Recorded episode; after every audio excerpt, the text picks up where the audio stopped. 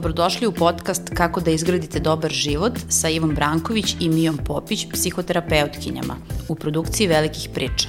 Ja sam Ana Mitić, novinarka i urednica u Velikim pričama i Nedeljniku.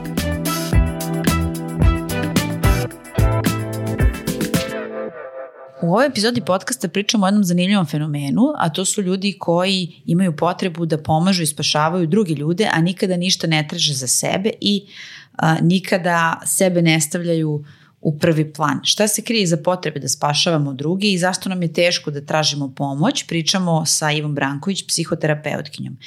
Uh, Iva je pisala jedan tekst za velike priče i to je tekst o belim vitezovima. Zapravo je sindrom belog viteza nešto što se koristi u psihoterapiji i psihologiji da upravo opišete ljudi koji uh, nude pomoć i spašavaju sve druge, a nikada nemaju neku empatiju za sebe. Pa ako možeš da nam mm. objasniš Iva šta znači to kad se kaže za nekog da je beli vitez ili spasilac? Pa da, beli vitez lepo zvuči i to da. jeste jedan od onih, od onih problema u stvari koje ljudi imaju, odnosno načina funkcionisanja. Koji su malo izazovni, a koji se uh, redko imenuju i čini mi se da su zato, jer su društveno vrlo prihvatljivi i poželjni. I sama si rekla, uh, karakteristika belog viteza je to da su oni uvek tu za svoje okruženje i da taj obrazac onda prenose u sve kontekste, znači oni su oni koji brinu um, o o svojim partnerima, oni su oni koji brinu o svojim timovima na poslu, oni su požrtvovani prijatelji, uh, oni se uvek ljudima nalaze, a uh, vrlo redko pričaju o tome kako je njima i, i onda će uvek kada im je teško jednostavno da se povuku, da sami nekako to rešavaju, ali njihova glavna karakteristika je to, da se svima uvek nađu. I, i meni je bilo zanimljivo kad, kad sam napisala taj tekst koliko ljudi je odreagovalo u stvari na to, zato što su se prepoznali u tome, jer a, obično, s obzirom na to da je društveno prihvatljivo i da okolina podržava takvo ponašanje, a, takvi ljudi osjećaju neku vrstu teskobe, ali ne znaju kako da to promene, jer je u stvari to onda postaje jedan obrazac koji, koji se teško prekida. Ako smo stalno na raspolaganju drugim ljudima, onda ako bismo prestali, oni na to reaguju prilično burno. A opet osjećamo da nešto nije u redu, a ne znamo šta, jer u suštini to jeste jedan život koji je po nekim onako društvenim standardima i moralnim vrednostima, ja pomažem, to je altruistično, to je lepo, znači nije onako problem kao što je kod nekih drugih jel, ovo nije poremećaj, ovo je jedan jednostavno način funkcionisanja koji koji je do jedne tačke dobar i koristan i za odnose i za osobu koja, koja tako radi, a od jedne tačke postaje težak za same bele vitezove, a težak je ponekad i za njihovo okruženje. Da, kad oni prekinu da budu bele vitezovi. Um, što, koji su razlozi uh, za to? Zašto neki ljudi imaju potrebu da stalno spašavaju druge? Da, I da li, da li je vas pitanje uh mhm. -huh. i to kakvi su bili roditelji uticalo da se oni kasnije u životu ponašaju tako prema... Ja, ima samo još jedna stvar, vratit ćemo se na ovo pitanje, ali Važi. oni nisu teški samo kad prekinu da budu takvi, nego umeju da budu teški i u procesu pružanja podrške. Uh mhm. -huh. Jer uh, nije baš da samo daju bez ikakvih očekivanja. Tu se dešavaju problemi u njihovim odnosima, zato što oni imaju neke zahteve ciljeve, kako očekuju da se ljudi ponašaju za uzvrat I, ali ih, pošto ih ne izražavaju jasno zato što im je malo neprijatno, onda umeju da budu prilično frustrirani. Jer to je onaj, ono iracionalno uverenje, ako sam ja dobra prema svima i ljudi će prema meni biti dobri, a u ovim oblastima mi je to potrebno, ja to ne iskomuniciram i onda se strašno uvredim kad se meni ne uzvrati istom merom. Ili mogu isto da budu teški sebi i drugima onda kada imaju potrebu to da nakon što sve urade za druge ljude, da se povuku. Pa okolina za to nema razumevanja jer očekuje da taj odnos traje, a oni da.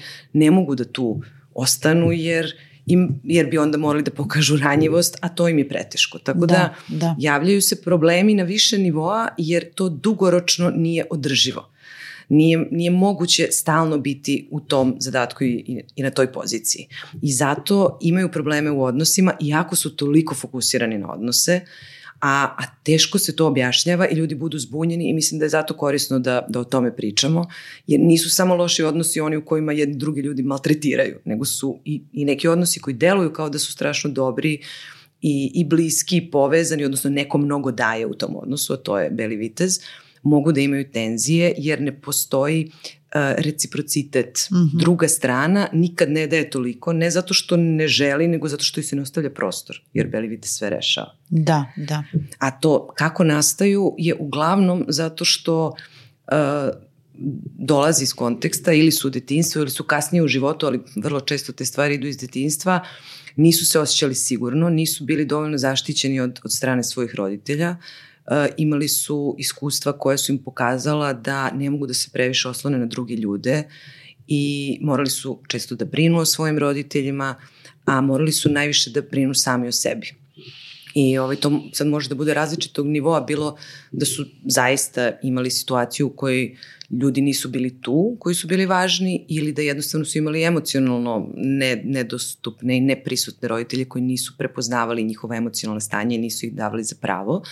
A oni svejedno žele da budu bliski sa ljudima i onda taj obrazac prenesu jednostavno u druge odnose, tako što kada odrastu, tako što nastave da brinu o ljudima, a o sebi brinu sami. Tako što pokušavaju sami da se regulišu bez da, da izraze svoju ranjivost, da traže pomoć, da, da uključe druge ljude u, u svoj život na jedan malo intimniji način. A da li je to zanemarivanje sebe?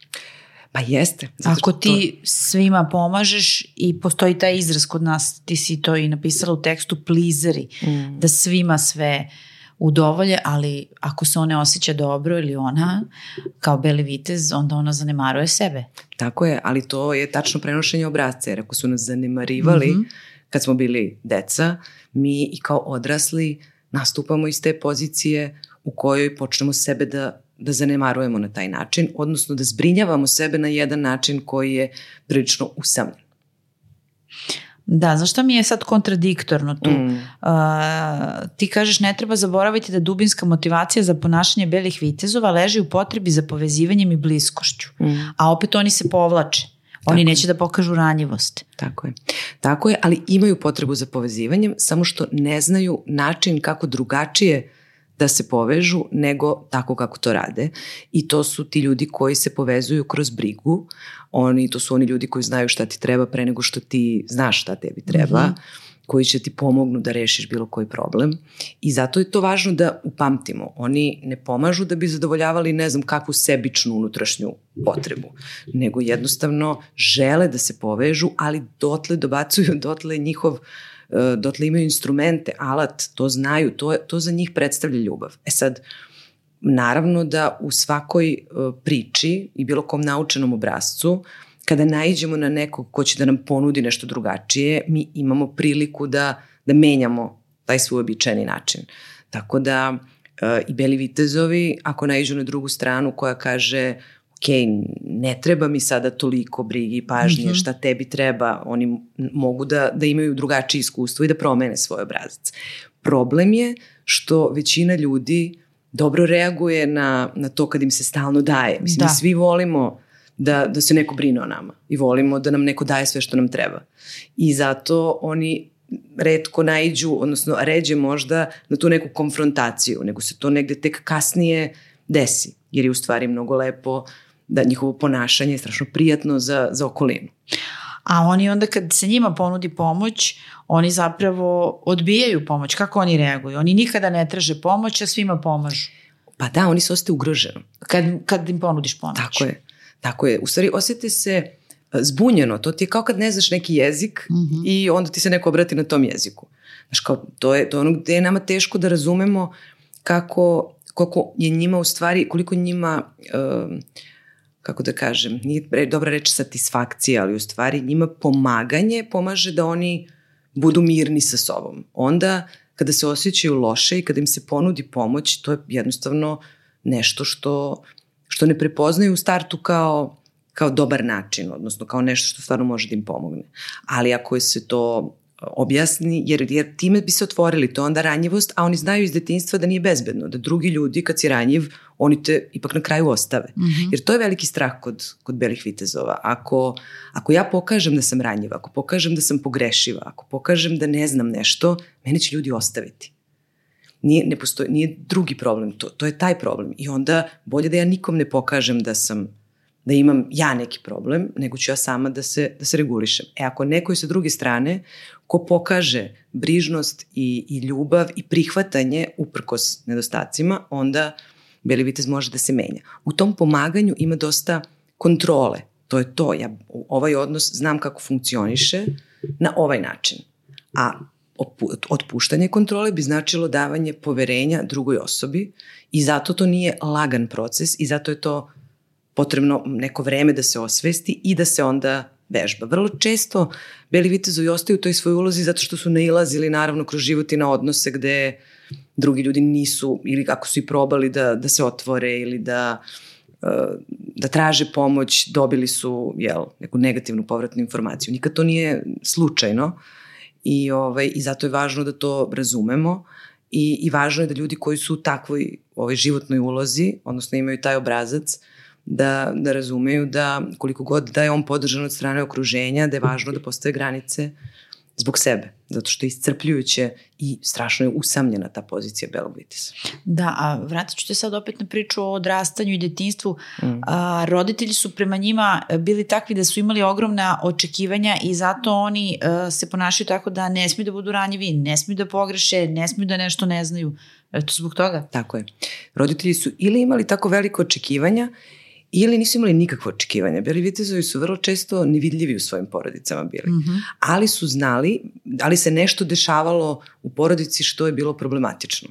Znači, roditelji su ih ili to driblali da moraš da budeš super, ili su jednostavno se bavili nekim drugim problemima, a deca vrlo često kad vide da se roditelji bave nekim problemima i da su roditelji nezadovoljni, da su nervozni, da se svađaju, deca misle da je to zbog njih.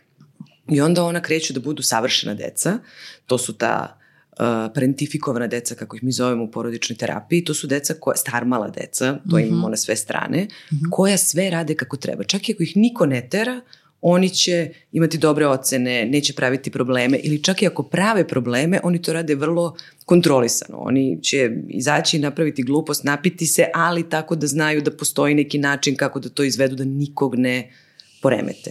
I kad to se čuje u, u priči ljudi, onda znaš da je to ta priča, da oni jednostavno su procenili da nema prostora u porodičnom sistemu za njihove probleme, za njihove emocije, da bi to sve napravilo ozbiljnu štetu i onda vidiš da to posle toga samo prenesu u, u partnerske odnose i u odnose jel, na poslu i bilo gde. Oni su tu za ljude ili su, ono, ne prave probleme, sve rade kako treba i drže se po strani.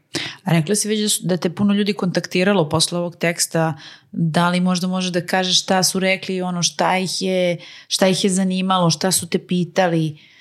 Pa da, kontaktirali su me ljudi koji su to primetili Uh, posebno na poslu, mm -hmm. zato što umeju da budu preopterećeni onda. Beli vitezovi umeju da budu, da se bave onim mikromanagementom, u smislu da, da uh, i, s jedne strane pokušavaju strašno da zaštite svoje zaposlene u timovima jer, a s druge strane moraju sve da isprate. Znači tu vidimo da postoji jedan u suštini, iako je to sve dobra namera i briga o ljudima, postoji nedostatak poverenja, jer ta briga i taj, ta potreba za kontrolom u stvari znači da mi ne možemo da prepustimo procese i onda oni budu strašno premoreni.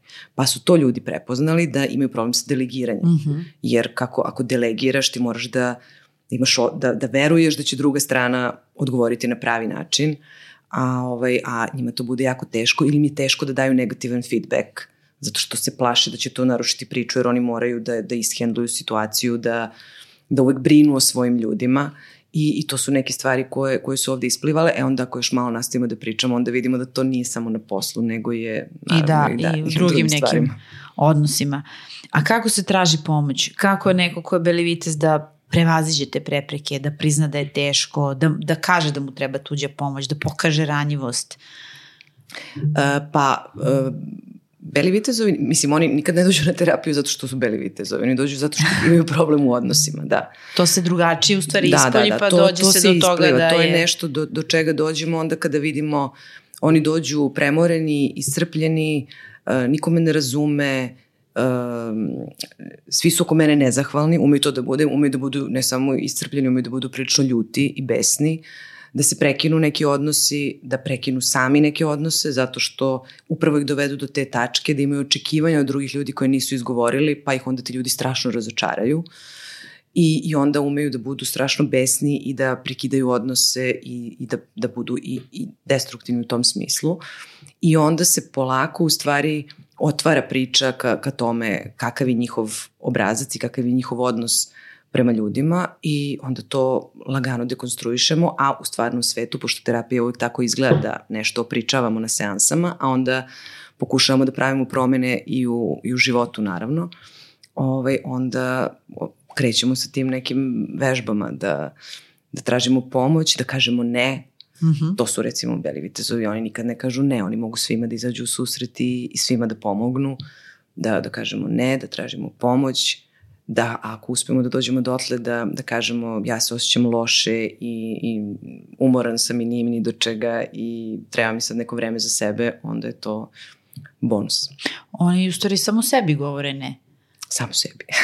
da, a da li može da se pomogne belo vitezu uh, ako ga imaš u okruženju, ako, ako te osobine primetiš uh, ko, kod svog prijatelja i, i da, li, da li je dovoljno pitati ga ono kako je, šta mu mm. treba.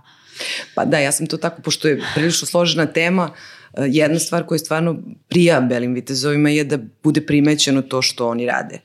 Ali je to, to može da bude onda i podhranjivanje, jel tog njihovog obrazca koji, koji nije tako dobar, ali je svakako važno primetiti to i, i zahvaliti im se i važno je da se to ne podrazumeva i otvoriti možda tu temu kad primetimo da, da mhm. neko jednostavno to radi sve i više nego što treba, a, a mi bismo možda malo ravnopravniji u odnosu toj priči, onda svakako o tome razgovarati. Ali jeste stvarno važno uh, nekako im staviti do znanja da, da vidimo i da razumemo, da bismo mogli da izbegnemo to da, da se naljute i da se osete kao da su, da svi njihovi ti pokušaji su uzaludni i da su ljudi nezahvalni i onda potvrde svoju teoriju da se ljudima ne može verovati i onda se nastavlja začarani krug. Znači, važno je da primetimo obrazac, ako možemo da ga imenujemo super, možda da im pošaljemo, pošto su oni, jel, uglavnom, um, jesu okrenuti ka ljudima, ali vole sami da obrađuju stvari da im pošaljemo da pročitaju tekst, mhm. poslušaju nešto, da oni sami probaju da vide i da razumeju šta se tu dešava i, i onda se možda otvori prostor da, da na tome rade. Pa meni bi recimo bilo neprijatno da mi neko stalno, stalno pomaže jedna ista osoba i da, da, da se stalno nudi i da nudi da mi, ja bi se osetila neprijatno. Pa to znači da ti ne dolaziš iz eh, porodice, iz konteksta gde je to tako bilo. Znaš, u, nek, u porodicama se često tako podele uloge. I to da. prosto se zna ko je osoba s kojoj se obraćamo za sve probleme. I to je tako. I to se čak ni, ne preispituje, čak se ni ne osvesti u potpunosti. To se prosto nekako, ako se analizira ta priča, onda se primeti da ta osoba stalno pomaže. Jer mi u suštini nismo skloni da analiziramo preterano mm -hmm. odnose u kojima smo. Prosto nam se stvari podrazumevaju. Ako imam problem, zvaću tog i tog. I to tako u porodici funkcioniše i svi mirni. Da, ono ne, pre, ne preispituje se da li ti ta osoba stalno pomaže kad si ti pomogao toj osobi. Nego kad... ti prosto znaš da je to, to je no, mislim, ta osoba mi... na koju svi računamo. I ta osoba, da se razumemo, beli vitezovi i osobe koje pomažu, one iz toga dobijaju jednu vrstu moći. To je, mm -hmm. jer da. pomaganje je jedna vrsta kontrole, jedna vrsta tako moći je. u odnosu. Ako nekom pomažem, ja sam malo veći od onog kome pomažem. To je uvek tako. Tako da te osobe uvek imaju, zato njima teško da razbiju obrazac, jer oni imaju u porodicama i u kolektivima prosto jedno mesto malo drugačije, povlašćeno. Jer se, mm -hmm. Ali to su to kao, na tu osobu može se računa, to je osoba od poverenja, to je osoba koja će uvek da ti se nađe, onda ona ima i malo više moći u toj priči, ima drugačiji status i onda se tako država taj, taj začarani krug. A jednom kad kaže ne, onda je skandal. Kako da. je moguće, pa šta se tu dešava? I tu se vidi u stvari da stvari nisu recipročne. Drugi članovi porodice zapravo mogu ili ne moraju da se uključe, a ovaj jedan uvek mora. Da, ja bi se osjećala neprijatno zato što ne bih žela da ta osoba misli da je iskorišćavam i zbog te pozicije moći. E, da, to su zato što razlogi, ti imaš svest u tim procesima. zbog koji bi se ja osetila neprijatno. Mm. Eto. Dobro, hvala ti puno na ovom razgovoru. Hvala tebi.